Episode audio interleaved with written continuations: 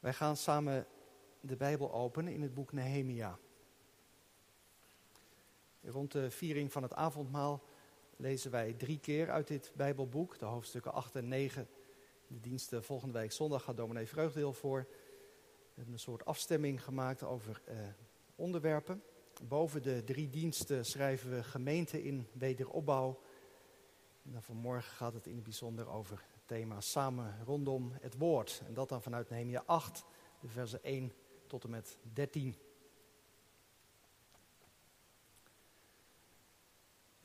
Toen de zevende maand aanbrak en de Israëlieten in hun steden waren, verzamelde heel het volk zich als één man op het plein dat voor de waterpoort ligt. En ze zeiden tegen Ezra, de schriftgeleerde, dat hij het boek moest brengen met de wet van Mozes, die de Heere Israël had geboden. Ezra, de priester, bracht de wet voor de gemeente, zowel mannen als vrouwen en al wie wat zijn verstand betrof in staat was er naar te luisteren, op de eerste dag van de zevende maand. Hij las daaruit voor, voor het plein dat voor de waterpoort ligt, vanaf het morgenlicht tot de middag, ten overstaan van de mannen, de vrouwen en van hen die wat hun verstand betrof in staat waren er naar te luisteren. De oren van heel het volk waren gericht op het wetboek. Ezra, de schriftgeleerde, stond op een houten verhoging die ze voor deze gelegenheid hadden gemaakt. En naast hem stond, stond Matitja met Sema, Anaya, Uria, Hilkia en Maasea aan zijn rechterhand. En aan zijn linkerhand Bedaya, Misael, Malchia, Hasum, Hasbadana, Zacharia en Mesulam. Ezra opende het boek voor de ogen van heel het volk, want hij stond hoger dan heel het volk. Toen hij het opende, ging heel het volk staan. En Ezra loofde de Heer, de grote God, en heel het volk antwoordde onder het opheffen van hun handen. Amen, amen. Zij knielden en bogen zich neer voor de Heer met het gezicht ter aarde. Jezua, Bani, Sarepja, Yamin, Akub, Sabbatai, Hodia, Maasea, Kelita, Azarja, Jozabat, Hanan, Pelaya en de Levieten onderwezen het volk in de wet. Het volk stond op zijn plaats. Zij lazen uit het boek voor, uit de wet van God, gaven uitleg en verklaarden de betekenis, zodat men de voorlezing begreep. En Nehemia, hij was zijn excellentie, de stadhouder, Ezra, de priester en schriftgeleerde, en de levieten die het volk onderwezen, zeiden tegen het hele, hele het volk, deze dag is heilig voor de Heere uw God. Rouw dan niet en huil niet. Heel het volk huilde namelijk toen ze de woorden van de wet hoorden. Verder zei hij tegen hen, ga, eet lekkernijen, drink zoete dranken en deel uit aan hen voor wie niets is klaargemaakt, want deze dag is heilig voor onze Heer. Wees niet bedroefd, want de vreugde van de Heer, dat is uw kracht. De levieten deden heel het volk zwijgen door te zeggen, wees stil, want deze dag is heilig. Wees daarom niet bedroefd. Toen ging al het volk weg om te eten en te drinken, om uit te delen en grote vreugde te bedrijven, want ze hadden de woorden begrepen die men hun bekend had gemaakt. Tot zover de lezing uit de Bijbel. Dit zijn niet zomaar woorden, maar dit zijn de woorden van God. Amen. Broeders en zusters, thuis met ons verbonden, hier in de kerk, gemeente van Christus. In Nehemia 8 wordt een nieuw begin gemarkeerd. In het eerste vers lees je dat de zevende maand aanbrak. Dat is de maand Tijri. Dat is echt een feestmaand, zou je kunnen zeggen. Een maand die begon met de nieuwjaarsdag. Verderop in de maand de grote verzoendag en daarna het loofhuttenfeest. En in later tijd kwam daar dan ook nog het feest Vreugde van de Wet bij. Een nieuw begin. Ook in het geheel van het boek Nehemia. Als je even terugbladert, dan moet je nog maar eens voor jezelf even doen. Dan zie je dat er in de voorgaande hoofdstukken vooral heel druk wordt gebouwd. Onder leiding van Nehemia. Gebouwd aan de stadsmuur. Met alle gedoe wat daar ook bij kwam kijken. Tegenwerping, eh, vijanden Maar ondanks de tegenwerping was toch in razend tempo verder gebouwd en waren ze er uiteindelijk in geslaagd om de muren van Jeruzalem te herstellen. Er zijn poorten gemaakt, er zijn poortwachters aangesteld. Je zou kunnen zeggen, er kan weer veilig worden gewoond en geleefd. En dat moet gevierd worden. Dat is de inzet van dit hoofdstuk. Vers 2 zegt dat de Israëlieten naar Jeruzalem komen om feest te vieren. Als één man staat er. Er wordt bedoeld massaal. Heel het volk. Ik weet niet of je dat opviel, maar die uitdrukking heel het volk, die loopt er zo ook helemaal door dit hoofdstuk heen. Om maar duidelijk te maken, iedereen is betrokken bij wat hier in dit hoofdstuk gebeurt. Ze komen weer bij elkaar, ze ontmoeten elkaar weer en ze vieren samen feest. Wat hebben wij dat als gemeente ook gemist, denk ik, toch? Wat hebben we elkaar ook gemist? Ik in ieder geval wel. Je kwam iemand op de fiets tegen in de stad en je dacht, hé, hey, die heb ik lang niet gezien. Of ik zie u vanmorgen weer zitten in de kerk en je denkt, jongen, dat is lang geleden. Hoe zou het gaan? Anders dan schoof je even bij elkaar in de bank. Dat even een praatje bij het naar buiten lopen of bij het koffiedrinken. Ik denk dat velen van ons er echt naar snakken. Om weer iedere zondag hier te kunnen zijn. Om samen de liturgie te vieren. Voor anderen is dat misschien nog wel heel spannend. U kijkt op dit moment mee, misschien zegt u, ik ben al meer dan een jaar niet in de kerk geweest.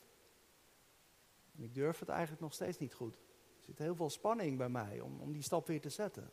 Om welke reden dan ook. Of dat kan natuurlijk ook, ik denk zo eerlijk moet je ook zijn, misschien heb je de gemeente eigenlijk helemaal niet zo gemist. Je merkt dat dit jaar iets bij je heeft veranderd. De vaste gang is eruit geraakt. Je keek vaak naar een andere dienst misschien. Je voelt je een beetje ontheemd. Eigenlijk weet je niet meer zo goed waar je plek is. Nu onze samenleving langzaam weer terugkeert naar het normaal, worden wij ook als kerk geconfronteerd met wat dat voor ons betekent. Hoe gaan wij weer de gewoonte ontwikkelen om zondag aan zondag samen te komen bijvoorbeeld? Hoe vinden we elkaar weer als gemeente? Welke goede dingen willen we misschien ook wel heel graag vasthouden van de afgelopen tijd? We komen, kun je zeggen, in een tijd, een fase van wederopbouw terecht. Want zoals dat met alle dingen is, wij kunnen niet zomaar de draad oppakken alsof er niets gebeurd is.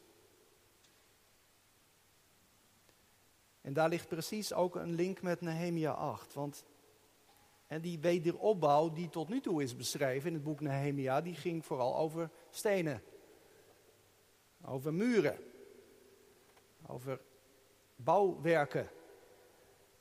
En er kan weer geleefd worden. Het oude normaal kan terugkeren. Maar het bijzondere van dit hoofdstuk is dat nadat er met stenen gebouwd is, Nehemia 8 het verlangen van het volk beschrijft om ook geestelijk gebouwd te worden. En dat woord verlangen is volgens mij in dit hoofdstuk een heel belangrijk woord. Het vormt als het ware een krachtige onderstroom in Nehemia 8. En daarin, daarin proef je het werk van de geest. Het werk van God. Daarom begon ik met die woorden uit Amos. Een prachtige tekst. Er komen dagen, spreekt de Heer, Heer, dat ik honger in het land zal zenden.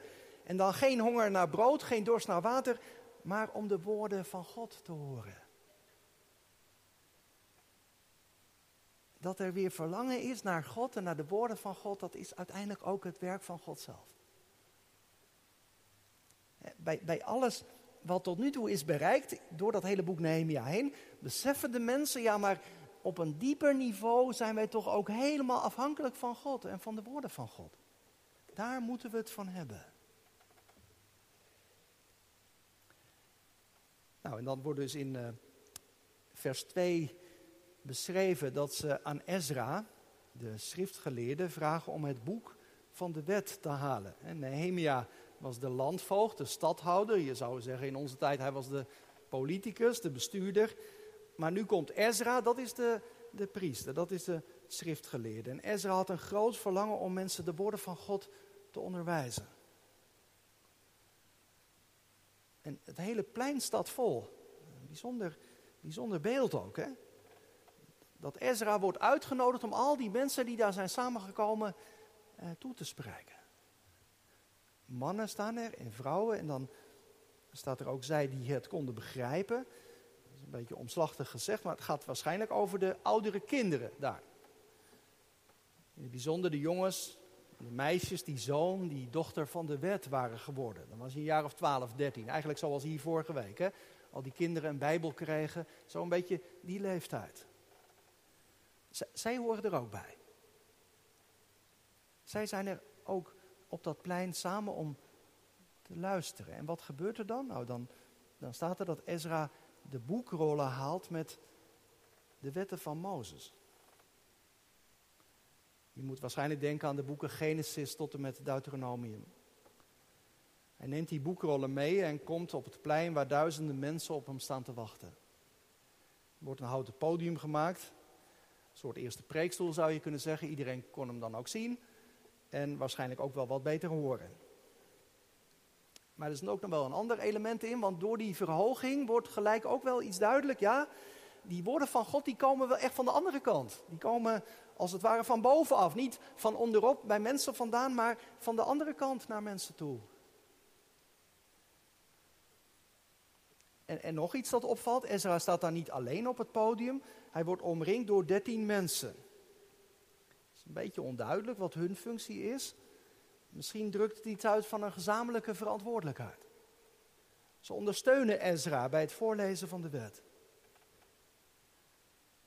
En dan komt het moment waarop iedereen gewacht heeft.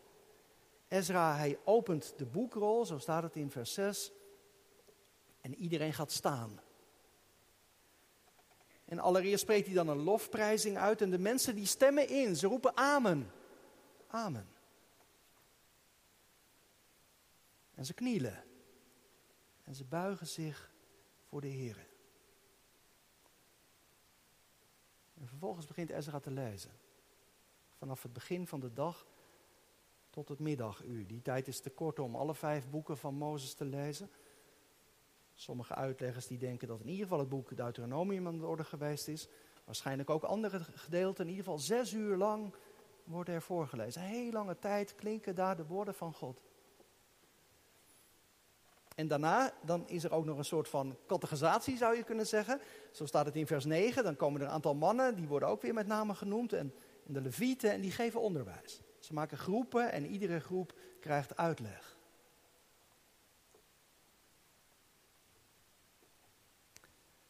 heel bijzonder gebeuren, daar die feestdag in Jeruzalem. Mij valt bijvoorbeeld gelijk op hoe, hoe actief die mensen betrokken zijn op het voorlezen van de woorden van God. Er wordt geknield, er wordt gestaan, er wordt geprezen, er wordt amen, amen geroepen. Hele actieve houding. Het is misschien voor protestanten wel een beetje een gevaar om de schriftlezing als een soort voorafje op de preek te beschouwen. Maar de lezing uit de Bijbel is echt een eigenstandig moment, ook in de eredienst. Daar klinken de woorden van God. Daardoor spreekt God zelf tot zijn gemeente. Daar mag je je best ook van bewust zijn. Als er uit de Bijbel wordt gelezen. Dat je ook echt actief betrokken bent. Daar aandacht voor hebt. Ik zei, in Nehemia 8 is sprake van een sterk verlangen van het volk. Een verlangen om de woorden van God te horen. Maar goed, laten we eerlijk zijn. Vast en zeker waren er ook wel mensen die helemaal niet per se verlangden naar de woorden van God. Mensen die heel andere dingen aan hun hoofd hadden. Ze hadden een ziek kind thuis. Of ze hadden tegenslag op het werk. Of ze hadden zorg over een oude moeder. En toch waren ze gekomen. Ze zijn er als de Bijbel open gaat. Ze luisteren. Het kan bijna niet anders of bij het lezen van die eerste vijf boeken was ook Deuteronomium 6 voorgelezen. De geloofsbeleidenis van Israël, het Shema. Hoor Israël, de Heere onze God, de Heere is één. Hoor Israël, luister naar wat God tegen je zegt. Of je er nu veel of weinig bij voelt, luister. Want geloven leer je door te luisteren. Door je open te stellen voor de woorden van God, ook, ook als die soms minder goed in je gehoor liggen. Ook als die soms een keer voor je idee minder aansluiten bij waar je behoefte aan hebt. Toch luisteren naar de stem van God. In de samenkomsten van de gemeente, de plaats waar we samen luisteren. En ook persoonlijk, iedere dag opnieuw. Ik denk dat we daar echt ook weer aan moeten gaan werken, om daarin een gewoonte ook weer op te bouwen. Om die vaste gang er met elkaar weer in te krijgen. Hier zie je iets van hoe belangrijk dat is. En door de Bijbel heen is dat iets wat steeds weer terugkeert. Steeds maar weer luisteren naar de woorden van God. Daarin ook de vaste regelmaat zoeken.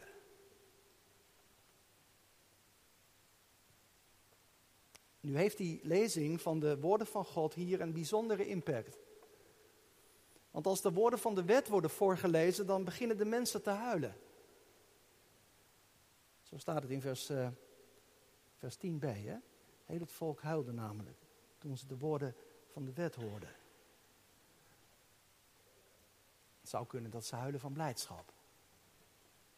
Tranen van vreugde, omdat ze de woorden van God zo lang niet hadden gehoord. Maar waarschijnlijker hier is het dat ze huilen als teken van schuldbesef.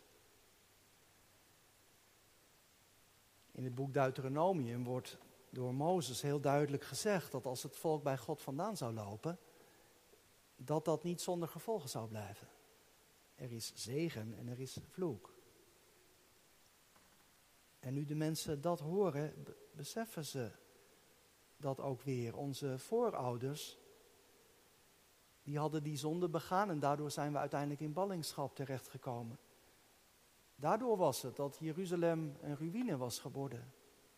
Heel die schuldige geschiedenis, die komt om zo te zeggen weer even bij hen terug. Maar dat zij hier zo in tranen zijn, dat heeft er volgens mij ook mee te maken dat ze ook beseffen, ja, maar wij zijn niet anders. Want nu wij de woorden van God horen, beseffen ook wij ons tekort, onze schuld. In Nehemia 1, daar lees je dat Nehemia zich verootmoedigt. Hij beleidt de zonde van zijn volk, maar hij doet het in de wijvorm. Hij sluit zich er ook helemaal bij in. Wij hebben het grondig bij u verdorven. Wij hebben de geboden, de verordeningen en de bepalingen die u aan dienaar, uw dienaar Mozes geboden hebt, niet in acht genomen. Wij. En, en de mensen die nemen dat nu hier met elkaar over. Ze beseffen wat ze ervan gemaakt hebben. Dat zij zelf ook deel uitmaken van die schuldige geschiedenis.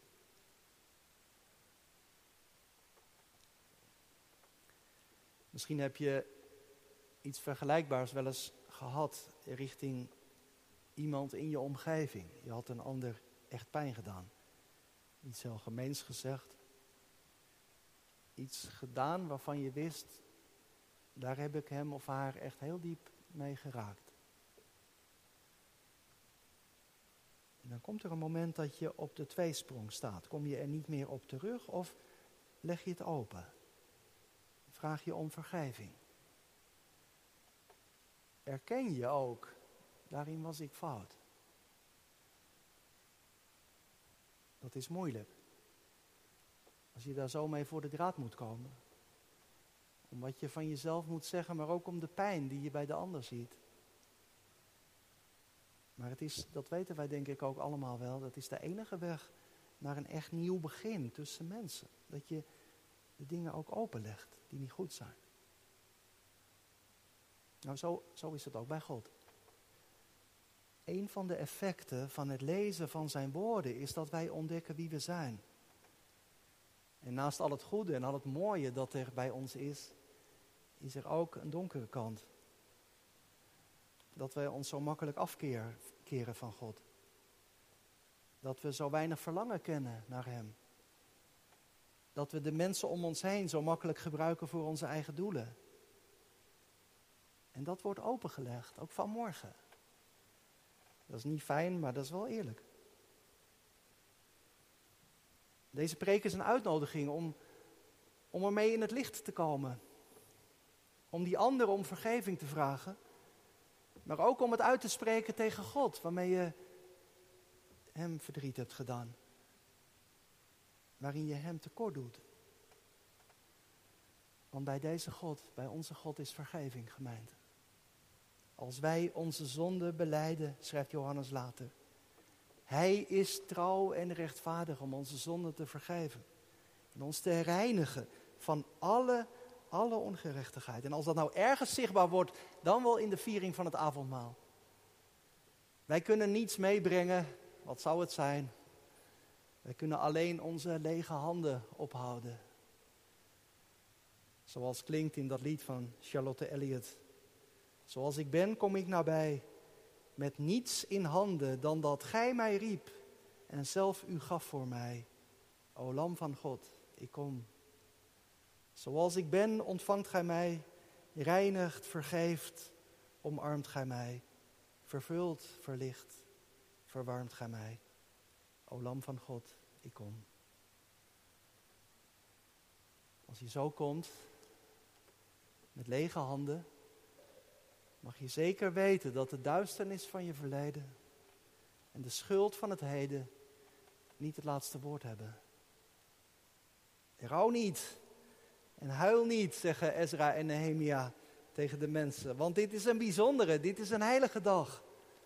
Een feestdag. Laat op deze dag daarom de blijdschap overheersen. Laten wij blij zijn om de grote dingen die God gedaan heeft. Wees niet bedroefd, dat staat er wel drie keer. Zeker, die verootmoediging is ook belangrijk en iets wat ook steeds weer terugkomt. Later in de maand, hè, ik zei het, de grote verzoendag. Een hele dag van vasten en gebed. Maar dit is een dag van vreugde. Vier feest. Eet en drink met elkaar. Dat is wat we volgende week ook weer samen mogen doen. De maaltijd van Christus vieren.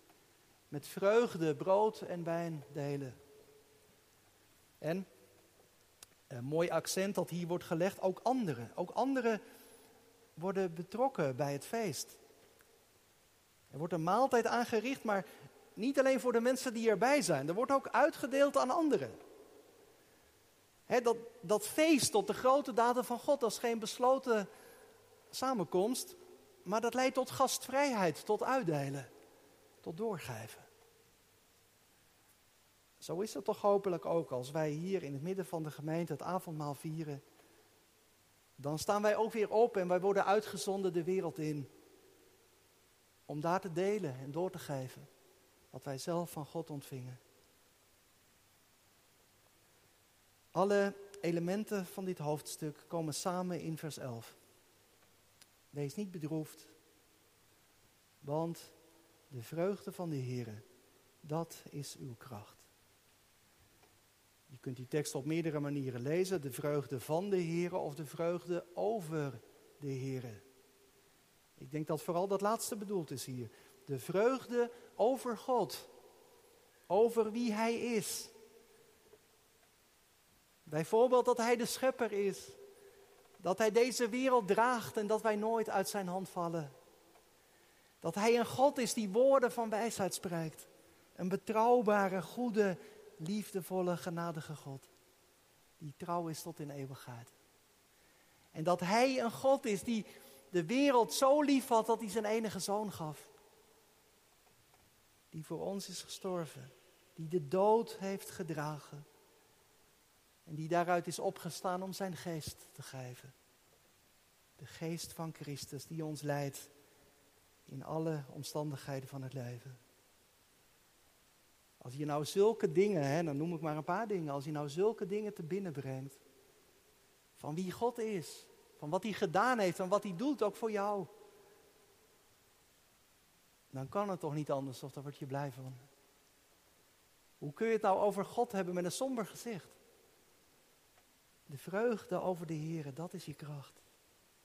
Inderdaad, want je richten op deze God geeft je niet alleen een diepe blijdschap, het geeft je ook kracht. Kracht om staande te blijven. Om het leven aan te kunnen, ook als het zwaar is op dit moment. Als er moeilijke dingen staan te wachten. Kracht om verder te gaan. Kracht om het vol te houden. Gemeente, laten wij op deze God ons vertrouwen stellen. Alles van Hem verwachten. En onze vreugde vinden in Hem. De vreugde over de Here. Dat is onze kracht. Nu en voor altijd. Eer aan de Vader en aan de Zoon en aan de Heilige Geest. Halleluja. Amen.